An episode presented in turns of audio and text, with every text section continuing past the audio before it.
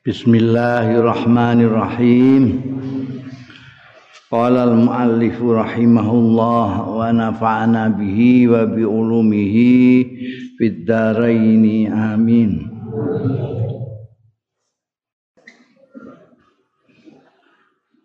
Faslun zikru khutabihi ku ya. Nutur pidato-pidatone sahabat Abu Bakar Siddiq wa mawaidhihi lan mau idzah mau idzae sahabat Abu Bakar Siddiq wa kalamihi lan pengendikan pengendikane Sayyidina Abu Bakar Siddiq.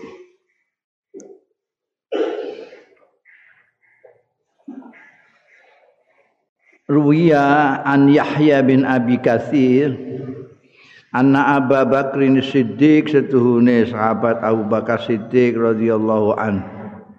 Kana ana sapa sahabat Abu Bakar Siddiq iku yaqulu dawuh. Ya sahabat Abu Bakar Siddiq fi khutbatihi ing dalem pidatone khutbahe sahabat Abu Bakar Siddiq. Ainal wudhu al hasanah Endi wong sing segar al hasanah kang bagus apa wujuhum? Rai-raine. Al mujibun sing padha mengagumi bisa babihim kawan kememudaane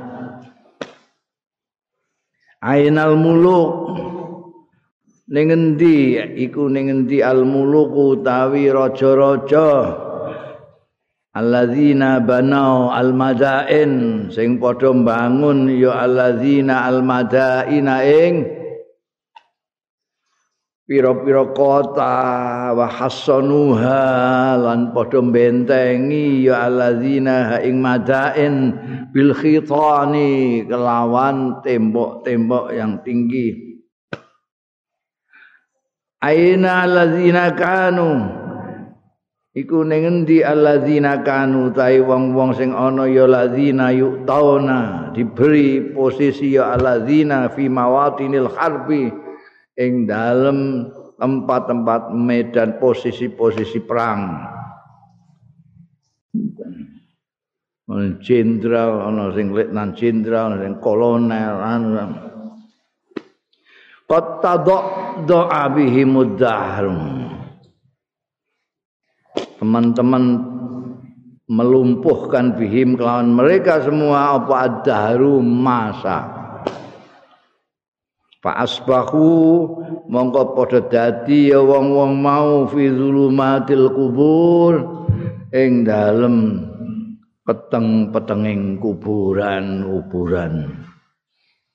Alwaha alwaha cepet cepet An-naja an-naja selamatkan diri selamatkan diri.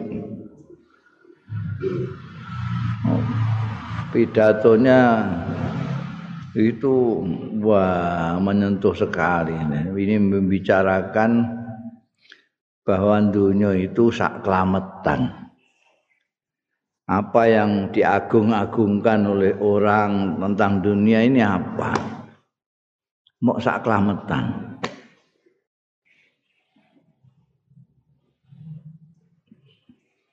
Yen wagae ra karuan seger, cakep, nom, saiki ning ndi? Biyen aku iku wah. Zaman ning pondok itu bal-balan nek Jumat prei ngono iku bal-balan terus badminton badminton bal-balan nek garsi garse wong-wong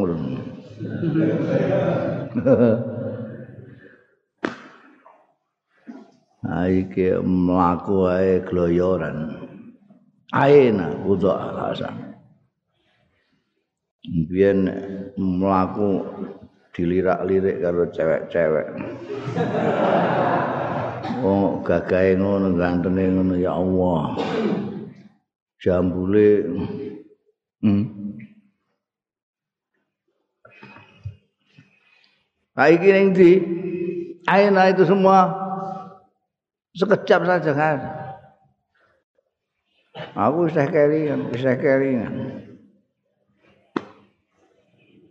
Bal-balan gak dikesel.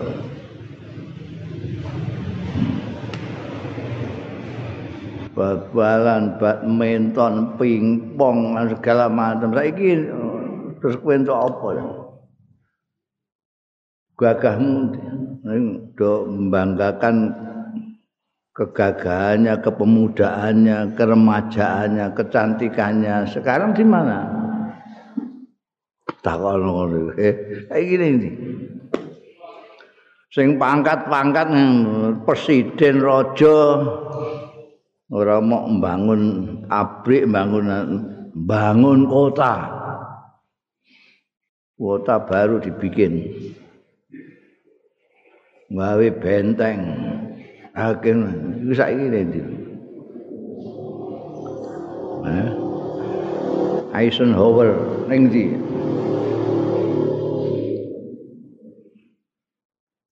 Hitler ning ndi? Pirngon. Endi Pirngon? Gawe piramid wibate ngono. Iki ndi? Yang Pirngon Musa iku saiki kaya gereh ngono.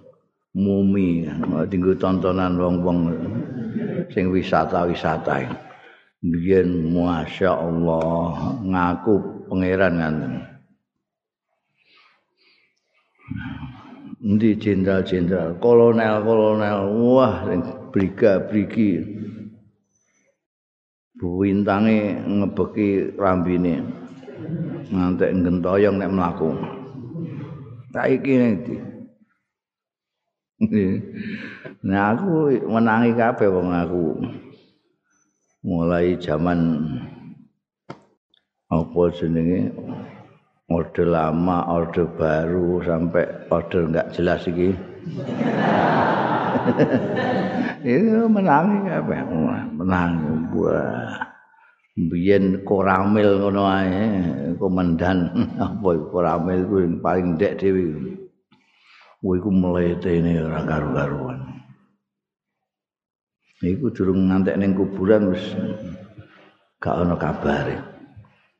Gak ana kabare wong peteta-petete mbiyen gak ana kabare. Jenderal-jenderal sing gawene nangkepi wong saiki ning dhisik. Ah. Wah. Biyen numpak sepeda numpak umpamane sepeda motor lewat asrama tentara gak boleh lebih dari 5 km per jam. Jadi kudu runuk runuk banter sithik cekel. Kewaboki. Saiki ndi wonge. Pak Harto nih. Bung Karno nih. Oh,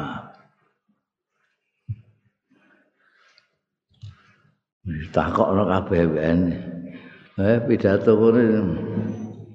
Masa endi saiki? Ning kuburan. Ning kuburan petang dedet. Mulane kowe cepet-cepet iki waktu itu singkat mak sak klametan kowe ndagakenan, ndagakenan Allah Allah. Selamatkan diri kamu sebelum nanti menyesal di belakang hari. Oh no. iku nasihate apa cepet cepet cepet nah yung wis ana contoh-contohne ngono kok. Diinginane isih kemlete saiki wis ora ana biyen eh nglumpuk-nglumpukno bondo semonake ditinggal lunga. Jadi dan yang penting bagaimana nanti fi zulumatil kubur kowe selamat. Nah iku kudu nanggake nah. Ane ning Quran niku ana ayat surat sing pendek tapi wisine luar biasa wal asri innal insana lafi khusr hidup itu seperti wal asri ana sing maknani demi masa nah aku seneng sing maknane demi asar demi waktu asar. Waktu asar itu waktu yang tidak terasa, sangat pendek sekali. Mulane wong ngabuburit itu sakwise asar. Ora ana wong mokak kok bar asar kan. Wong mesti longkas maghrib lah apa bu. Dilongkas buka kok. Biasanya sih nganu ya bangsa jam 11, jam 12 iku mokak iku ngorong muka. Nek wis asar ora ana wong muka. Mergo dilungkas mbok tinggal mlaku-mlaku sithik wis maghrib. Mbok tinggal maca sithik sangat sebentar. Maka rugilah mereka. Siapa? Innal insana lafi khusrin. Ya manusia itu, manusia. Manusia yang hidupnya dibatasi oleh waktu yang sedikit itu. Kecuali orang yang beriman, beramal soleh dan saling menasihati. Ya, iki nasihati. Kapan tahu bakar al-waha, al-waha, an-naja, an-naja. Cepat, cepat selamatkan dirimu. Ojo kledrang-kledreng, pengen golek ilmu cepat ambil semua, jangan besok-besok saja. Besok-besok apa gak nyandak. Latu akhir amalal yaum ilal ghad. Jangan tunda pekerjaan hari ini sampai besok. Nanti akan numpuk-numpuk. Numpuk-numpuk. Kowe lambimu, kaosmu, katokmu mbok uncalno. Bareng kotor uncalno. Kalau suwe-suwe kowe kaya laundry. Tapi nek kowe adus ngumbah kaos. Nganduk ngumbah katok enggak terasa. Semuanya dimanfaatkan waktu itu sedemikian rupa. Supaya umurmu itu berharga ya. Kalau enggak sekarang apalagi dahar itu masa itu begitu cepat, begitu cepat. Mungkin karena tambah suwe waktu itu tidak berkah. Kurang berkah. Biyen itu waktu lama. Ya. Sekarang apa?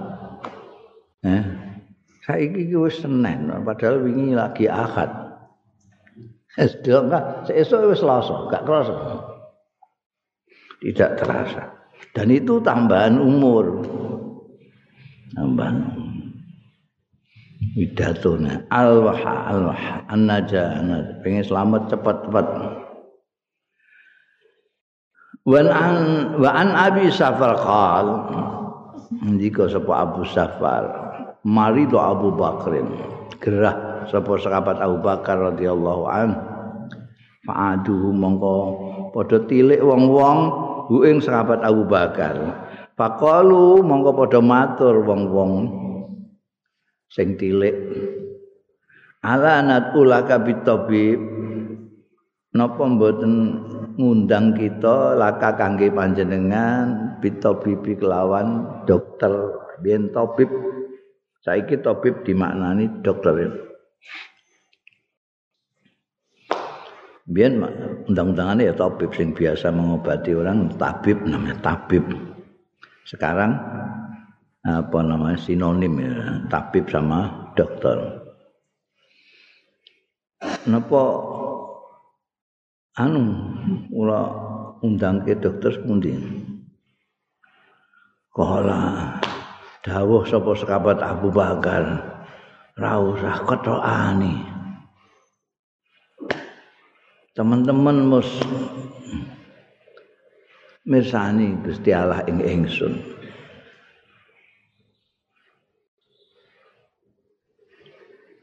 Maksudnya rujukannya ning kene rohani gak ana Gusti Allah. Jadi rujuk noe ning gede tabib kan kula napa kula undang tabib alah tabib wis aku kok Mbok kon rene ku lha apa ini wis aku kok. Wong bingung terus pakalu. Monggo padha matur wong sing tilik mang. Ayya syai'in qala laka. Ing napa kala dawuh apa tabib batine tabib mau wis nekani ya sadurunge ditawani diundangno dokter rumangsane wong-wong.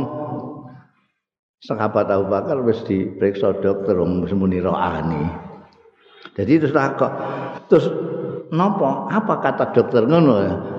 Jadi ayyasya'in qala laka. Ing menapa suwi-wiji kala ndikake tabib laka dateng panjenengan. Terus dokter ngomong napa panjenengan? Kala dawuh sapa sahabat Abu Bakar? Kala ndika tabib ini fa'alun lima yurid. Dadi sing dikersakno ora kok dokter-dokter sing dikarepno pengunjung-pengunjung sing do tilik iku. Ora kok kaya dokter-dokter biasa. Maksudnya Gusti Allah wong dawe ini fa'alun lima yurid. Muni ngono di dokter aja aku wis diperiksa dokter. Dokter ya muni sepundi? Muni ini fa'alun lima yurid.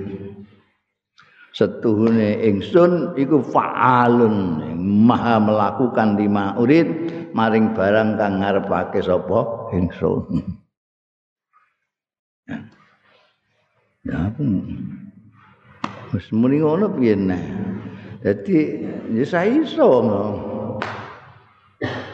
Ngendikane ini fa'alun lima yurid. Aku karep maras nek ini karep mati ya tetep mati wong ndekne sing fa'alun lima yurid. Nahnu nurid antum turidun bahwa fa'alun lima yurid. Sing terjadi adalah apa yang dikendaki tabib itu, bukan apa yang kita kehendaki.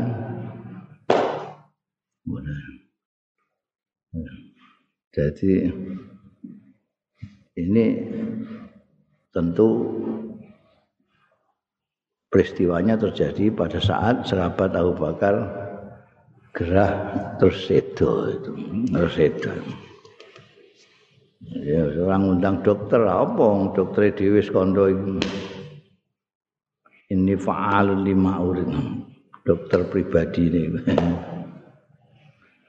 Wa an aslama anna Umar. Aslam itu namanya orang yang selalu nderekno sahabat Umar. Saiki ngono kaya ajudan apa sekretaris pribadi. Wa an aslama Anna Umar setuhune Sayyidina Umar ibn al-Khattab radhiyallahu anhu dakhala mlebet ala Abi Bakrin ing atase sahabat Abu Bakar radhiyallahu anhu. Wa huwa khali utahe sahabat Abu Bakar iku yadzibu lisanahu, narik lisanahu ing lisane, lisane ditarik-tarik. Faqala lahu Umar Maka ndika lahu marang Abu Bakar sapa Umar Umar radhiyallahu anhu. Mah. Eh, eh. Hmm, cara kene eh mah. Ghafarallahu laka. Kumuku ngapura sapa Allah laka maring sira.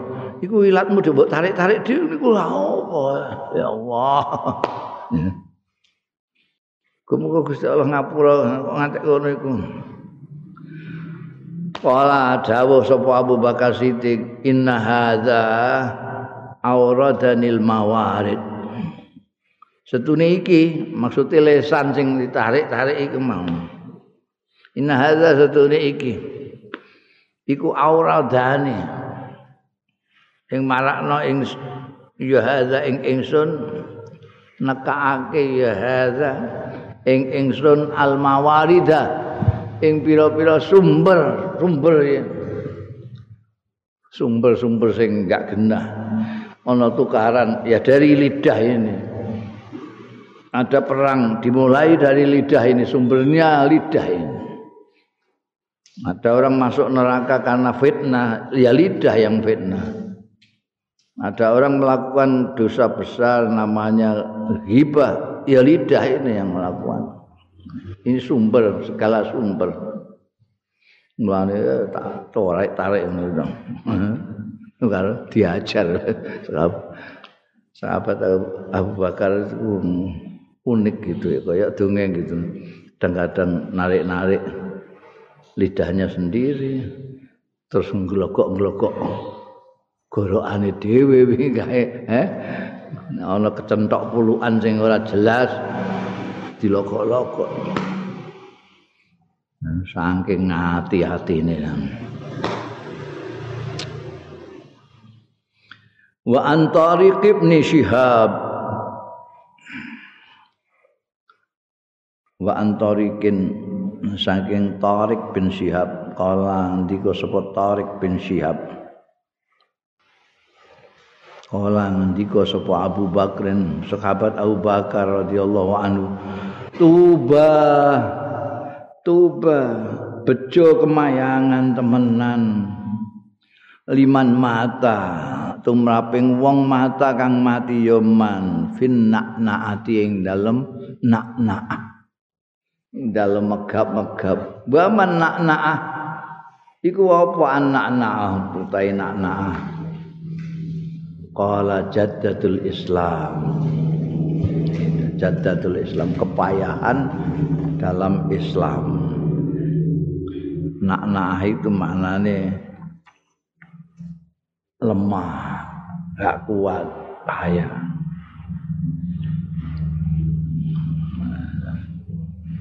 orang apa namanya meninggal dalam perjuangan Islam sampai capek, sampai payah, sampai kepundut, oh itu bahagia sekali. Nah, orang mati itu macam-macam. Orang mati mati itu macam-macam. Ono sing mati keluargen ya ono. mati keleson ya ono, mati keluargen ya ono. Kemelkaran kakean mangan terus. Hah? Mulane aja kakean mangan kowe fi. Leda. Ono sing keluwen banget ya. Ono sing mergo tembak-tembakan mati. macam-macam ana sing dalam perjuangan meninggalnya ada yang dalam keadaan sujud ana sing sujud wafat kaya apa Habib Abdul Qadir ramane Habib Syekh itu wafatnya sujud. Ya Allah yarham Kiai Abdullah Zaini Demak itu. Kapundhut nalika maca alfiah mulang alfiah Ramadan. Kiai Lukni kapundhut nalika pidato ngono korek ninggone Khalid garwane Bu Khafifah Bu Khafifah anakno Khalid bojone nekakno korek koreke maca Tabarakalladzi biyadil mulku wa ala kulli syai'in alladzi khalaqal mauta wal hayata plek mati. Ya ono sing ngono iku eh. Pinter-pinteran mati ngono. Iku sing paling bagus iki tuba limangkan mata finna Waruya anhu annahu qala lan diriwayatake anhu saking Tariq bin Syihab. Anna ustune sahabat Abu Bakar qala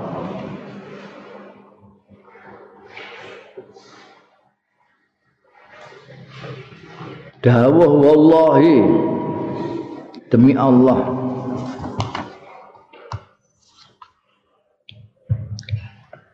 La la iyadam ahadukum. Yakti lamun maju sapa ahadukum.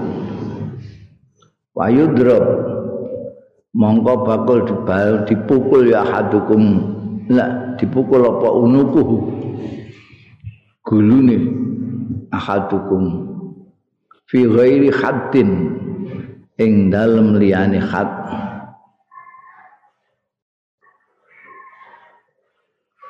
Iku khairun luwih bagus lahu tumrape ahadukum min ayyasbah.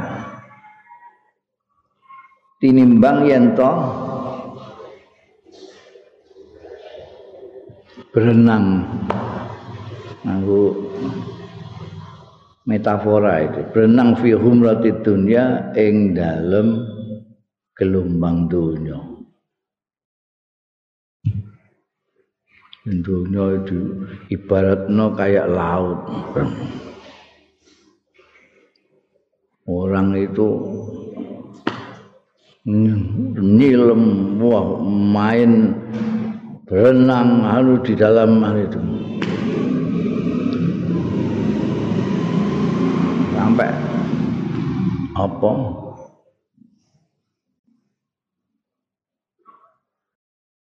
Mata saking bergelimang dengan duniawi ini mata itu dibandingkan karo wong sing di potong bulunya asal fi ghairi hadin fi ghairi hadin mesti ini bersalah kriminal nah, Jadi nek dipotong kepalanya, potong lehernya karena khat, berarti dia mati ini wong. Terus dikisos dipateni wong. Sing mati di bunuh biasa tidak karena dikhat itu lebih baik timbangane wong sing matine mergo ngongsong golek donya. Yasbahu fi ghamrati dunya. Hmm. Oh, sing sing ngendika sahabat Abu Bakar Siddiq. Oke, awake dhewe semua temenggengen tok ae. Wakila lahu ya khalifata Rasulillah ala tastamil ahla badrin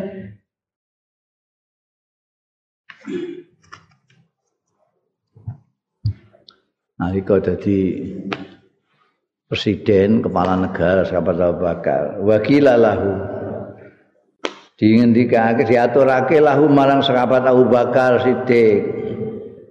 Ya khalifat Rasulillah.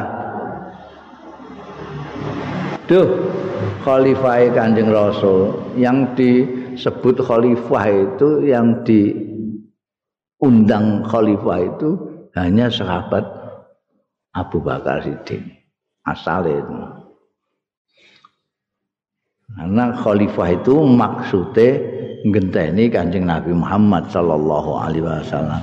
Kanjeng Nabi Muhammad sallallahu alaihi wasallam itu ya pemimpin sosial, pemimpin agama, pemimpin masyarakat segala macam, kepala negara sampai ngimami, bayang dan seterusnya.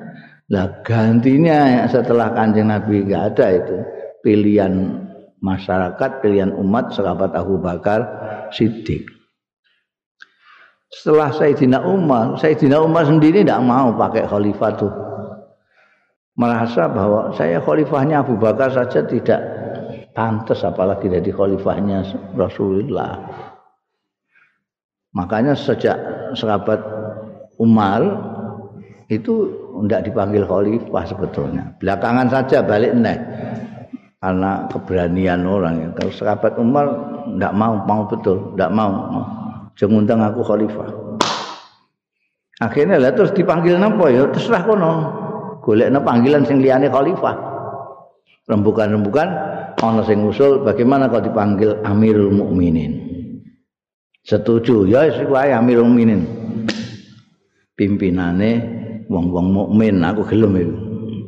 Sejak itu yang gantikan nanti Amirul Mukminin Utsman bin Khattab, Amirul Mukminin Ali bin Khattab Salih. Bariku Muawiyah raja, raja biasa ya, Malik lah. Meskipun undang-undangannya kadang khalifah, kadang Amirul Mukminin. Sing Amirul Mukminin. Jadi saya kira unen-unen khalifah itu mbah khalifah sapa enggak ada. Ya itu enggak ada sejarah Islam enggak ada. Ulafaur Rasyidin itu Ulafaur Rasyidin itu bukan suatu partai, bukan. Ya. Nah, ini nalika beliau menjadi khalifah terus di ana sing matur ya khalifah Rasulillah ala tastamil ahla batin. Kena napa mboten memperkerjakan panjenengan ahla badrin ing ahli badat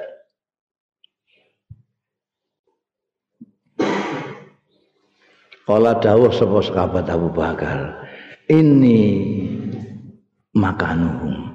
Setune ingsun iki makanuhum ada di posisi mereka halu badal walakin akrahum angin tetapi ini aku enggak pengen aku enggak seneng.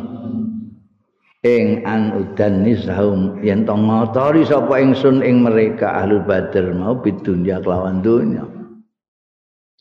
Itu salah satu cirinya sahabat Abu Bakar Siddiq itu tidak memperkerjakan ahlu badr kecuali yang beliau yakini dia tak akan tergoda dengan dunia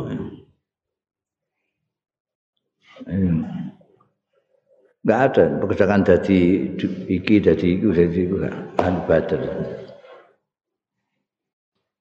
karena apa? Karena beliau ini seperti jawabannya, ini makan. Saya ini posisinya sama dengan saya juga ahlu badr. Jadi ahlu badr itu cuma 313. Yang perang 300-an lah. Yang 13 itu ada yang apa namanya mata-mata yang meneliti kondisi musuh. Tidak ikut perang tapi ada yang apa namanya ditinggal di Medina untuk menjaga Medina. Kaya Sayyidina Utsman bin Affan. Itu termasuk Ahlul Badr. Dengan tugas menjaga Madinah. Jadi yang perang 300 ini orang-orang yang eh, ikut perang Badar disebut Ashabul Badr dan itu seperti kebanggaan jadi kan soalnya kan Nabi ini ono wong kok nyepelekno atau nglarakno atine seseorang yang ikut perang Badar dilokno. Aja main-main ini melok perang Badar. Dia wah. Mulane cah nom-nom itu sing nom-nom itu semangat berkobar-kobar ngejak perang Uhud keluar dari Madinah itu gara-gara kepingin dapat kehormatan seperti ahlu badar. Demikian hebatnya ahli badar tapi saat Khalifah Abu Bakar Siddiq menjadi kepala negara itu bangsa dikai penggawean kowe dadi gubernur kowe dadi gak gak dikai penggawean mulane ana sing takok alatas takmil ahla badr Jawabannya sahabat Abu Bakar, saya itu seperti mereka, sama posisi saya dengan mereka sama. Jadi kalau saya bekerja untuk ngurusi macam-macam ini, tidak hanya akhirat tok dunia barang ini. Mereka sebetulnya juga bisa, tapi aku khawatir nanti dia mengotori mereka. Mereka sudah orang yang bersih, tidak terkotori oleh dunia, terus tak libat. No. Saiki kan kebalikane, kebalikane. Bayar supaya iso mendapatkan kedudukan duniawi. Beseli supaya kowe diangkat jadi ASN. ASN. Wah, dadekno iki, dadekno. Biyen cara berpikirnya jadi berbalik sama sekali. Biyen sahabat Abu Bakar goleki wong-wong iki wong resik banget ini tak dadekno kono rusak rusak Masa jodoh-jodoh engko terus mbok tekan kiai jadi pejabat barang ngono. Ngrasani wong malian kok.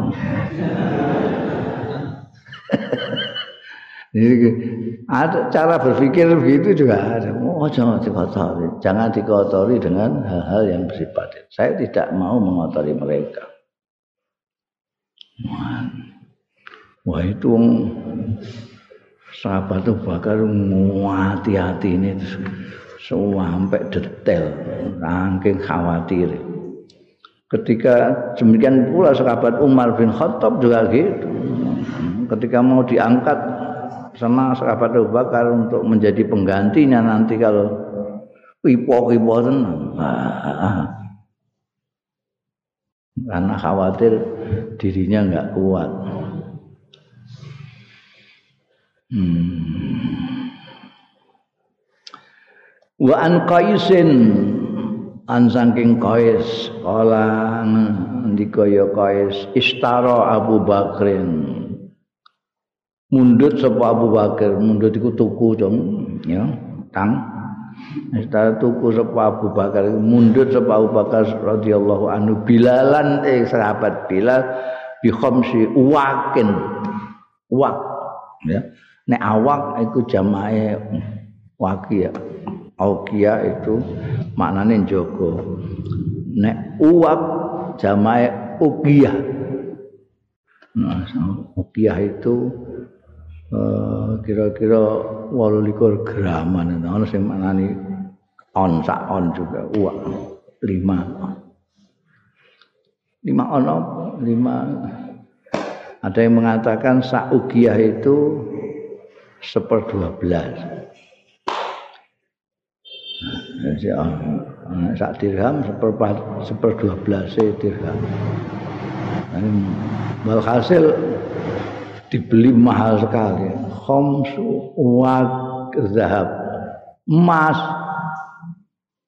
Eh? emas. Orang kok perunggu ora perak. Bilal di Fakalu mongko wong-wong sing adol bangsane Umayyah bin Khalaf barang itu wong-wong kafir-kafir itu kufar Mekah itu lahu marang sahabat Abu Bakar.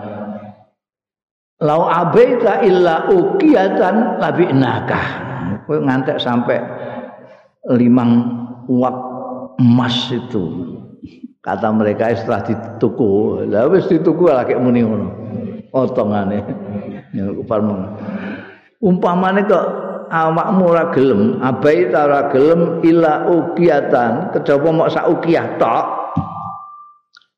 Tapi nakah.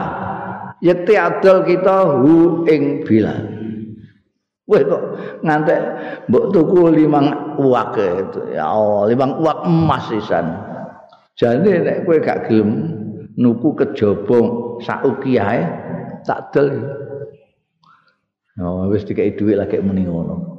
Eh, iku ndekne meh nyepelekno sahabat Bilal maksude. Jadi regane semono mbok tuku semono ya kowe segejamu ah. jane nek sak ukiyah ngono sak kena ngono ngono maksude kala dawuh sapa sahabat Abu Bakar Siddiq la abaitum ila mi'ata auqiyah la khatuk oh diunggahi sahabat Abu Bakar kok umpama kowe ora gelem sira kabeh ila mi'ata auqiyah kejaba 100 auqiyah la akhirtuhu nyekti mengambil saya hu ing Bilal Pemenang kok limang uak wae. Satu kurang percayane, tak jikok bilang. Diatasi. Eh? Ini anu maknanya dalam sekali. Orang-orang kufar Mekah itu, Umayyah bin Khalaf dan lain-lain yang nyiksa Bilal pada waktu itu. Itu kan mau merendahkan Bilal. Mbok tuku lima ya sebejane awak. Wah. Jane Kowe udah mbok tuku sak ukiyah ngono tak kekno kok dapure ngono. Ngono. Ngono istilah. Sak ukiyah wis tak kekno. Kowe wani simang ukiyah ya pancen untunge kita. Karena meremehkan filan. Sahabat Abu Bakar sebaliknya justru menilai harganya sahabat Bilal mengatakan lau abaitum ila mi'ata uqiyah al-akhatu Mulai kok lima. Satu. Kowe kok gak gelem kecuali satu tak bayar wong. Tak cikuk bilang. Hmm. Paling iki larang wong kaya ngene iki. Ketokan paku. Diajar kaya ngono ora apa gigrik bergeming dalam imannya. Ahad ahad ahad dicekeli. Buayangno. Kowe panas ning kene iku mok kira-kira 37 lah. 37 36 37 ning kono nek wayahe panas kaya zaman Bilal disiksa itu sampai 45 derajat. Mau iku aku ngalami ku kabeh sing tak demek sing bangsa logam panas kabeh. Banyu gak ana sing adem panas kabeh. Bayangkan pasir bila itu diturukno ning pasir. Di sini matahari ini pasir gak ono ayo paling diturukno diberi watu. Itu bayang. Tapi bergeming bila tetap akad-akad tidak mau pangeran pirang-pirang. yang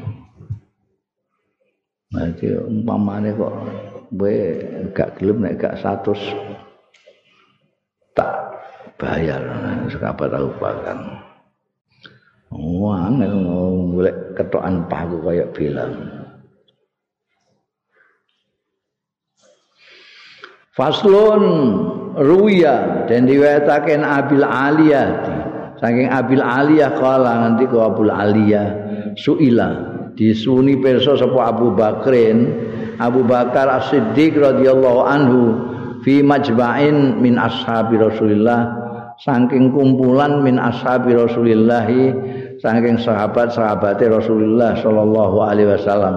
Ada sekelompok orang-orang sahabat-sahabat Kanjeng Rasul sahabat Abu Bakar ditanya Hal sarib hamran ana ta kowe ngombe sampean khamron ing arak fil jahiliyah ing dalam zaman jahiliyah.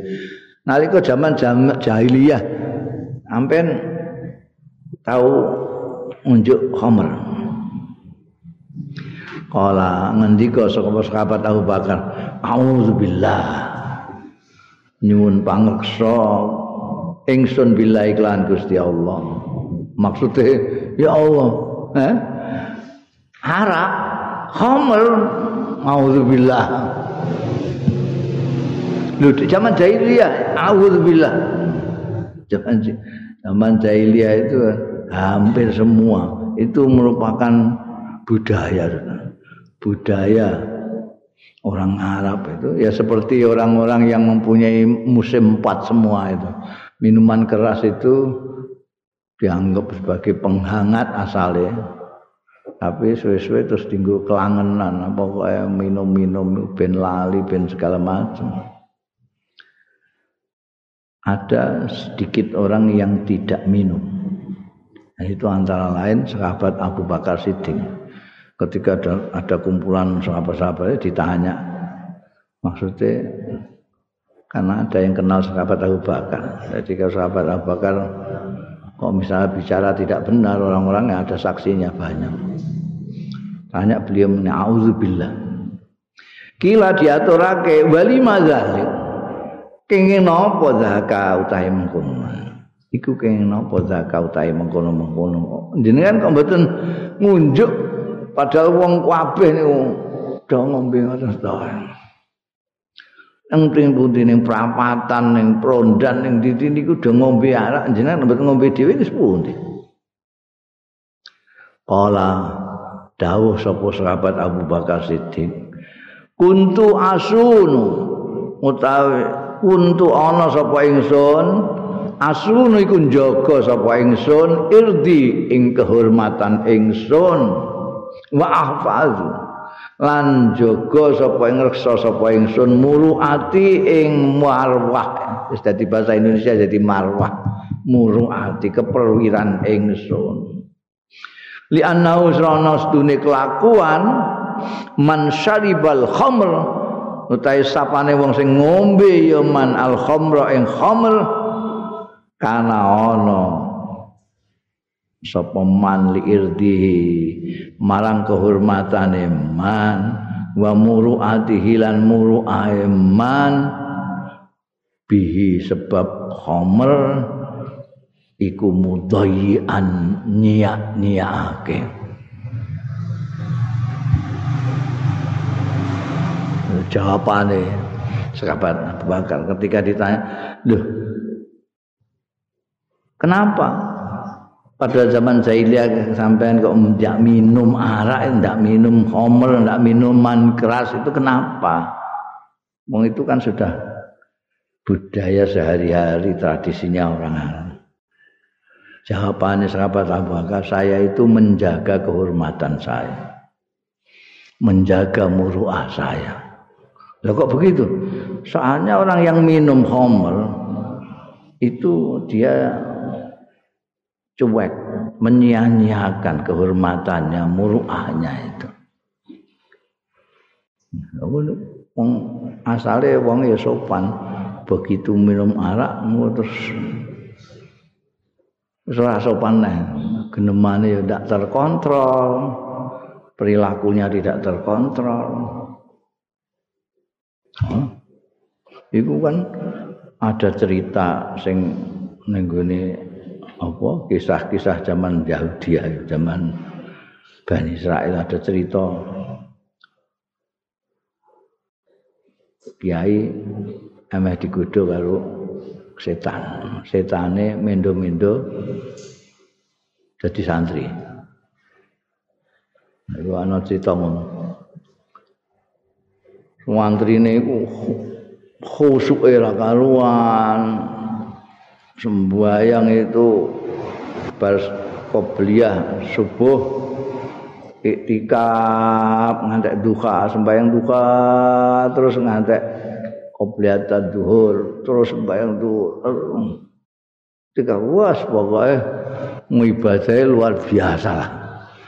Diperhatikan sampai kiai ini terus iki aku kok kalah sampai santriku ya santri kok musuhe ngono serbuke ngono poso terus.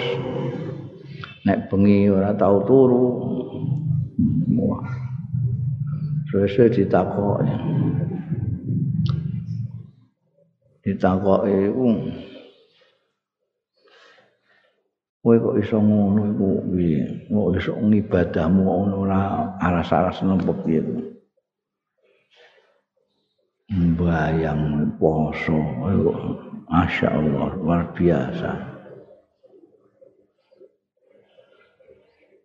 aku kalah mbek kowe cung Mungkin mesti mawon dengan bersakit kayak ula. Wong jenengan iku selawase sampean kiai anake kiai putune kiai kan wong apik terus mulai biyen mesang ora tau dosa. Hmm. Lah kula kan anake bajingan. Dadi dosa pun masyaallah kula niki. Mulane kula elengen dosa salat. Nek dosa puasa, kancan. Dadi sing marakna tiyang khusuk kula niki nggih dosa-dosa niku. Lah sak kiai ini. Lah nek aku kepengin kaya kowe ngono ya kudu dosa sik ya. Ya nggih. Mboten saged jenengan mboten saged. Ora ora tau menyesali kesalahan itu sepun di ajeng saya. Mboten saged. Iki ya ini ya rada bloon juga. Nah, terus kira-kira usul aku ngelakoni dosa apa jenengan? Ya ya dosa yang gede niku mangke efeknya lebih bagus lagi. Oh, jenengan dosa cilik-cilik ngoten mawon, mboten eh mboten ngaruh mangke jenengan itu. Tapi nek dosane gede, penyesalannya kan besar. Mal penyesalan besar jenengan ngibadah tambah hebat mangke niku.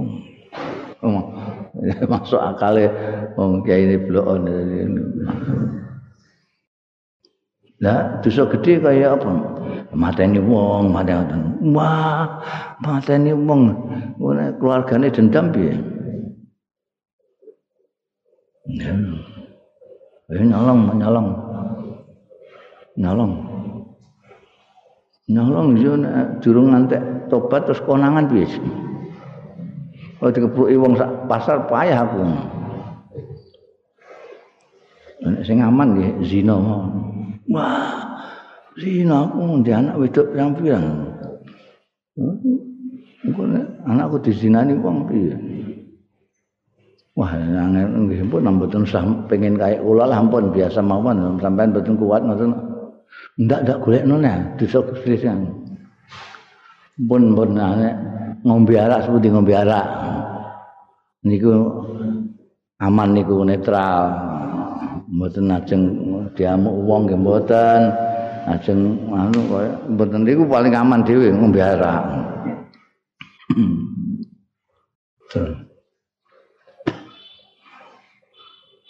Iya ya, pikir-pikir. Iya, ngombe arak barang. Iku ning di ngombe arak. Gitu gini anu net klub net klub napa-napa kalian gua terakhir gini khamar bareng arak.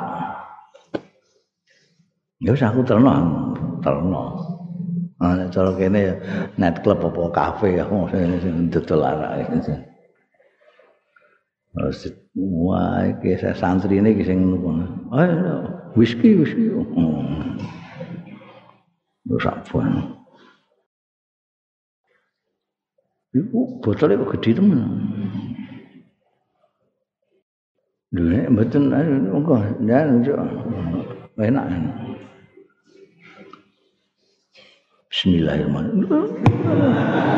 Lah ngombe arek kok bismillah bareng ngene. Meniku sing marano ngabar-ngabari ngene. Wis ya. Lho kok ampun iki sak botol kudu entek. Lho kok kudu entek. Lho niki sing marano dosa komel niku mergo mabuk kene iku. Lah sampeyan sak cingkir sak gelas nggih mboten mabuk mboten apa-apa mboten padha ae mboten dosa niku. Mesti entekno. Lagi setengah botol wis ngleleng. Ngleleng. Eh? Bojone sing duwe warung sing ngladeni diperkokos. Kondangan sing lanang dipateni. Dadi iso tekan dinding kaya. Ngombe arak iku ketoke koyo ringan iso ndadekno iku mau kabeh. Dadi dilakoni kabeh. Ini sahabat Abu Bakar cerdik sekali tidak mau saya. Kalau nanti saya minum itu berarti saya tidak menghormati diri saya sendiri nanti. Terus deleming wong beradab kok deleming ning pinggir dalan ya Enggak mau saya. Rusak murah. Wong ngombe ngombe arak itu menyia-nyiakan harga dirinya, menyia-nyiakan kehormatannya. Fabalago mergo sing ngrungokno iku mau sekabat-sekabate Kanjeng Rasul sallallahu alaihi wasallam. Ya otomatis fabalago dzalik mongko tekan apa zalika mengkono-mengkono dawuh sahabat Abu Bakar tekan sapa? Tekan Rasulullah ing Kanjeng Rasul sallallahu alaihi wasallam. Artine Kanjeng Rasul sampai midanget iku. Ya niku wau mireng ana sahabat sing matur karo Kanjeng Nabi mesti kok menarik sekali jawaban sahabat Abu Bakar Kanjeng Nabi pireng faqala monggo dawuh sapa Rasulullah sallallahu alaihi wasallam. Sadaqa Abu Bakar. Hmm, bener sapa Abu Bakar. Sadaqa Abu Bakar. Bener Abu Bakar. Ora. Dibenero kalau Kanjeng Rasul sallallahu alaihi. Kancing Rasul Shallallahu Alaihi Wasallam ya sendiri ya seperti itu. Jadi hanya ada beberapa orang yang tidak katut melok-melok budayane wong Arab jahiliyah pada waktu itu, yaitu minum arak. Satu dua di antaranya adalah sahabat Abu Bakar Siddiq dan Rasulullah Shallallahu Alaihi Wasallam. Ya. Wa an Abdurrahman bin Sabit saking Abdurrahman bin Sabit kala ngendika sapa Abdurrahman lamma hadara Abu Bakrin nalika nekani Abu Bakrin ing sahabat Abu Bakar apa al mautu pati? Zakara nutur sapa sahabat Abu Bakar ayas takhlifa. Yen to amrih ganti sapa sahabat Abu Bakar Umar yang sahabat Umar ala nasi atase masyarakat rakyat. Fa'atahu mongko nekani sowan ing Abu Bakar sapa nasun beberapa orang.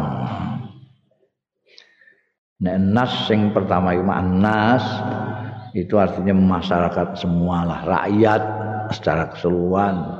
Nek nasun ini beberapa orang. Beberapa orang mendatangi sahabat Abu Bakar. Ketika sahabat Abu Bakar akan wafat, itu mengatakan bahwa dia ingin nanti itu kalau meninggal yang menggantikan sebagai khalifah itu Umar bin Khattab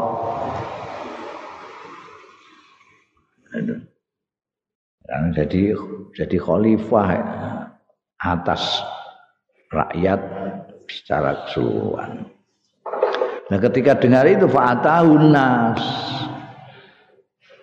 mongko nyewani ing sahabat Abu Bakar sapa nasun beberapa orang. Faqalu mongko matur sapa nas ya Abu Bakrin Duh Abu Bakar mataku li rabbika wah langsung ngono eh, ngecam. Ing apa?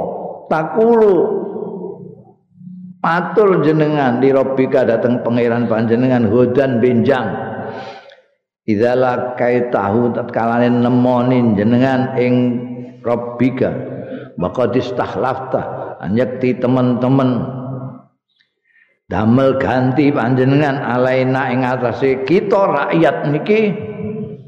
Damel ganti Umar ing sahabat Umar. Waqat arafta. Padahal teman-teman pun pirsa jenengan siddatahu pengkerase Umar. Wa fadzatahu lan kasare Umar. Hmm. Jadi orang sing gak setuju. Jadi saya kenal kok sahabat Abu Bakar Siddiq menunjuk Sayyidina Umar bin Khattab sebagai pengganti beliau. Memang ketika sakit keras, sahabat Abu Bakar sudah merasa itu tadi bahwa akan sampai ajalnya beliau itu mengundang sahabat Umar untuk didawui kamu gantikan sahabat Umar kipo pipo jangan jangan saya. Jangan saya. Jangan saya. Kalau sampai mau menunjuk itu loh. Bin Jarrah itu loh. Dia dijuluki kanjeng Nabi Aminul Ummah.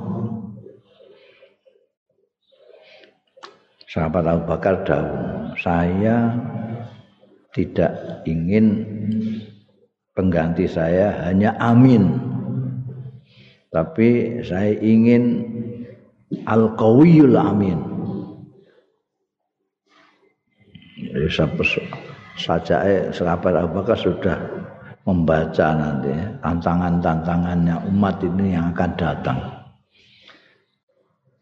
Saya tidak mengenaki hanya seorang yang amin yang bisa dipercaya tapi yang kuat. Lah nek kena dipercaya tapi ndak kuat terus piye? Lemah. Enggak usah dipermain-mainkan orang. Ketika sahabat Umar ditakwa, sekarang tunjukkan kepada saya siapa yang lebih kuat melebihi kamu. Sahabat Umar tidak bisa jawab. Astagfirullahaladzim. Memang saya tidak melihat orang yang sekuat saya. itu, itu jujur. Enggak ada. Tapi begitu orang dengar ini ada yang tersemorol. Loh, jenengan mboten wedi kare Gusti Allah sepundi. Mangke jenengan di damu kali Gusti Allah sepundi. Sampai kok ngangkat pengganti kok Umar bin Khattab, tiang sing kuasa kerase koyo ngoten niku, medeni wong ngoten niku. Diwede, eh? Sahabat Abu Bakar kok iki nasun iki mbok sapa? Kok sahabat Abu Bakar kok diweden-wedeni pangeran. Mangke mangke nek ketemu pangeran jenengan terus sampean sepundi? Maza takun. Jenengan mangke sepundi memberi alasan sepundi. Wong kaya Umar kaya ngono kerase kok. Nah, biasa sahabat Abu Bakar kan kayak Kanjeng Nabi ngono, lembah mana, alus, pendekatannya pendekatan lembut, pendekatan Sahabat Umar itu terkenal medeni wong. Ya, mulai dijuluki Al Faruq. Keliru, keliru ya keliru, rasa ono keliru, agak keliru barang ora keliru. Bener ya bener. Niki wong Jawa kabeh. Mati. Eh. Padahal sing digoleki sahabat apa justru ngono nih. Mulane terus faqala. Monggo dawuh sapa Abu Bakar ketika den medeni ngono Mata kulu li rabbika ghadan. Jawabe Abillah itu khawifuni. Oh, kabar Abu Bakar. Ana to kelawan Gusti Allah, meden-medeni sira kabeh ingsun.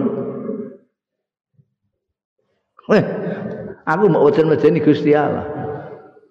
Aku lu aku matur karo Gusti Allah ya Rob yo pangeran engko nek ditakoki kaya mbok takokne mau madza taqulu li rabbika hudan. Ses nek mbok tenan kaya omonganmu aku didangu Gusti Allah tenan. Jawabku istahlaftu alaihim. Kula damel ganti alaihim ing atase nas. Ngene rakyat kula niki kula gawe ganti khair ahlika ingkang paling sae-saene ahli panjenengan Gusti. Nuwun.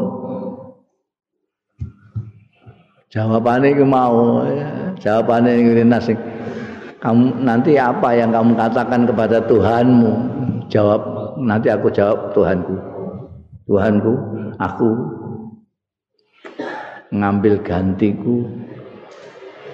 Orang yang terbaik di antara eh, eh.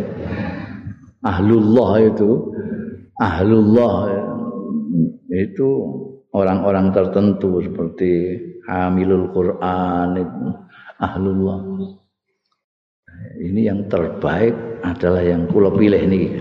Tak jawab ngono, meden-medeni niki pangeran. Pangeran wis tak aku duwe jawaban. Engko muni ngono. Sumada'a mongko keri-keri nimbali sapa sahabat Abu Bakar Umar yang sahabat Umar. Faqala mongko dawuh sapa sahabat Abu Bakar. Ittaqillah ya Umar. Takwa sira ing Allah ya Umar ya Umar. Idza ulita tekalane dipasrahi sira alan nasi ngatasé rakyat hodan besok. Kowe kudu tetep takwa nek kowe engko benar-benar diserai urusane rakyat umat. Wa lam lan ngerti sira annallaha annalillahi. Annalillahi ya ka anallah annalillahi satuhune iku kagungan Gusti Allah azza wa jalla.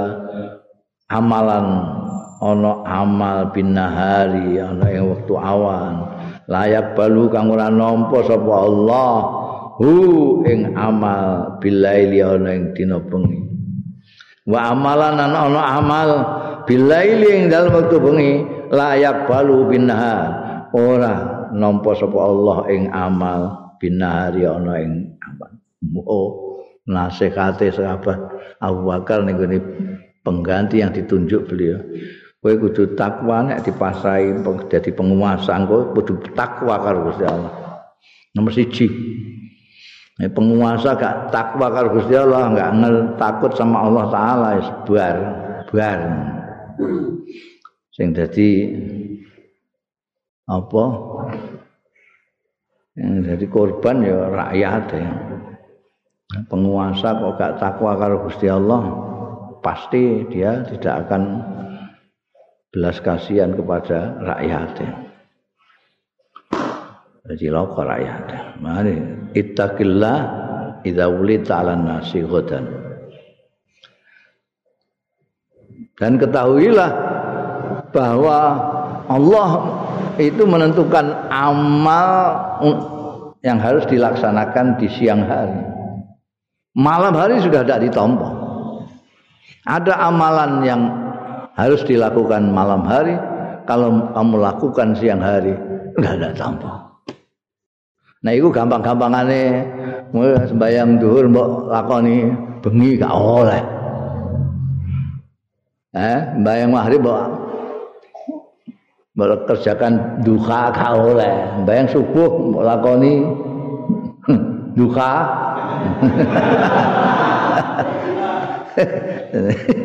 Iku yang ngiras-ngiras jenenge.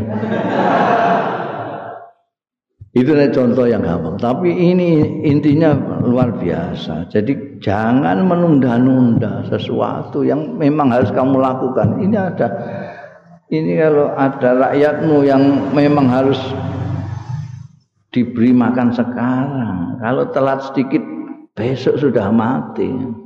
Ini harus kamu lakukan. Mulanya kita lihat apa perjalanan hidup sahabat Umar sampai jalan di lorong-lorong untuk memeriksa rakyatnya siapa yang malam ini rakyatnya makan atau tidak? Karena sudah ditunda besok mungkin sudah mati. Oh, wa annahu lan setuhune.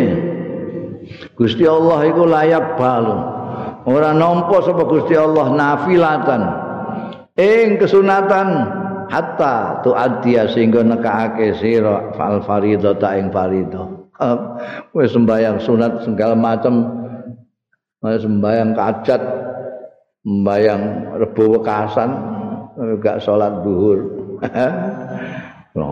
layak balu. Ora ditampa Oh niki anu ijazah ijazah sapa ae pokoke. Eh, iki ijazah sahabat Abu Bakar.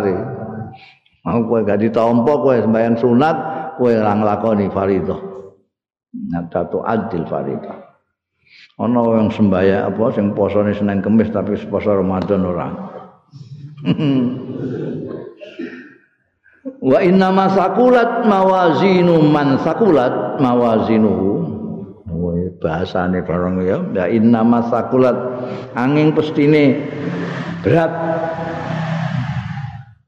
apa mawazinuman apa timbangan-timbangan amale wong sakulat sing abot apa mawazinuhu timbangan-timbangan amale man yaumal kiamat ana ing dina kiamat iku bitibaim sebab anggone ngetutke ya man al haqqo ing kebenaran fit dunya ing dalem donya. Kowe nek kepengin roh wong sing timbangane nanti pada hari kiamat berat sekali. Eh itu lihat saja dia pasti orang yang selalu mengikuti kebenaran di dunia ini. Ya. beratnya timbangan orang-orang yang pada berat timbangannya itu di hari kiamat nanti karena dia mengikuti kebenaran ketika di dunia. Pasti koluhu alaihim dan bebane hak alaihim. Dia nyonggo kebenaran itu kan berat itu. Apalagi di sekeliling orang-orang yang tidak memperdulikan hak itu kayak apa. Itu berat banget wa hukka limizanin ayyudha al haqqu ghadan ayyakuna sakilan lan wis sak mestine limizanin kedue timbangan ayyudha al haq yen to diletakkan apa kebenaran hodan besok ayakuna yen to ana ya hak ana iku sakilan abot. Karena kebenaran itu timbangannya memang berat. Jadi kalau orang yang mengikuti kebenaran, oh itu timbangannya juga berat sekali. Itu logikanya gitu.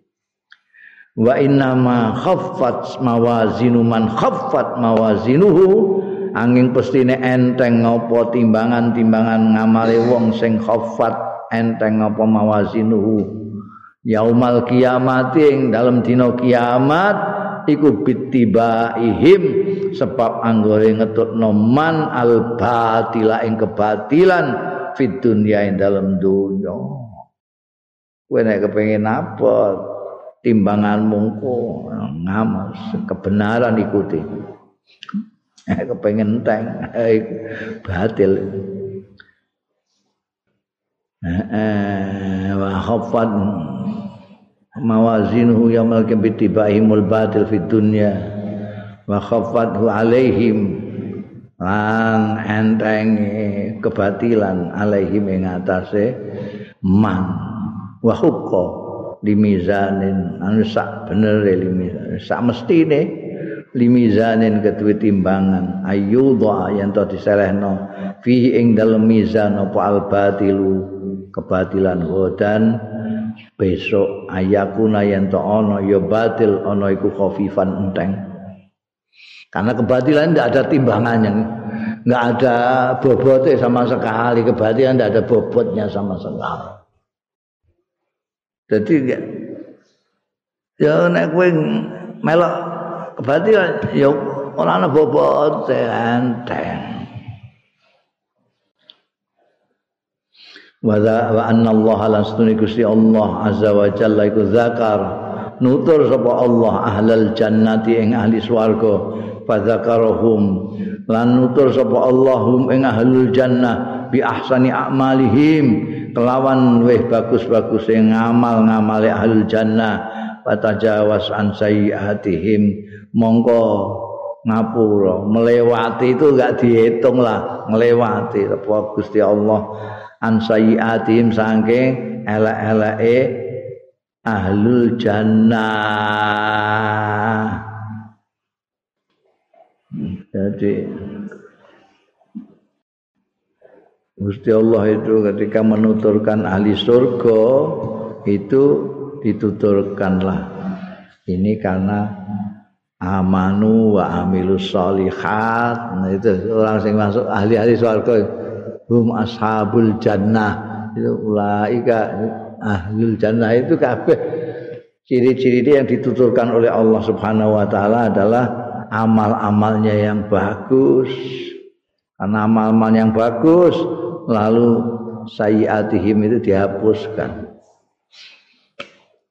Fa in zakaltahum qulta mongko kalian eling sira ing ahlul jannah qulta ngucap sira inni akhafu setuhure ingsun iku akhafu kuwatir sapa ingsun Allah al haqqa bihim yen ta ora nututi sapa ingsun bihim kelawan ahlul jannah ya Allah Kula muga-muga kaya niku ahli jannah mesti ngono. Wallahu ta'ala Gusti Allah azza wa jalla iku zakara nutur apa Allah ahlal ahlan nari ing ahli neraka.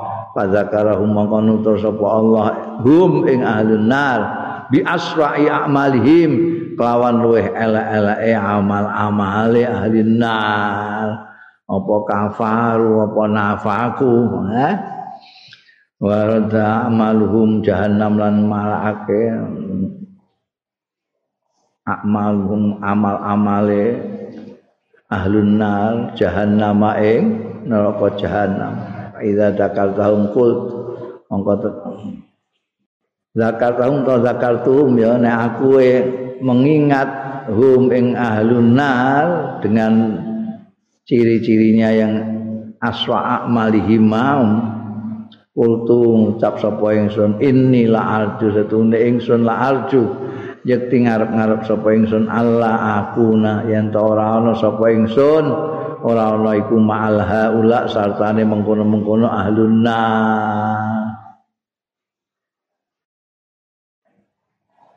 ya kunal abdu supaya ana sapa kawula iku rahiban. Demen wa rahiban lan wedi.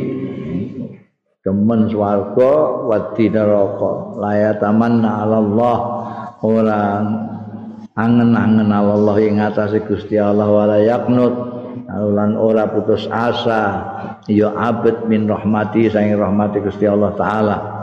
Fa in anta hafidta wasiati mongko lamun ta'i sira Umar hafidta apal sira njaga sira wasiat ing wasiat ingsun fala yakuhu ibun ahabbu ilaika minal maut. Mongko ana apa ibun sesuatu yang gaib ahabbu ilaika kang luweh mbok senengi ilaika marang sira minal maut tinimbangane pati.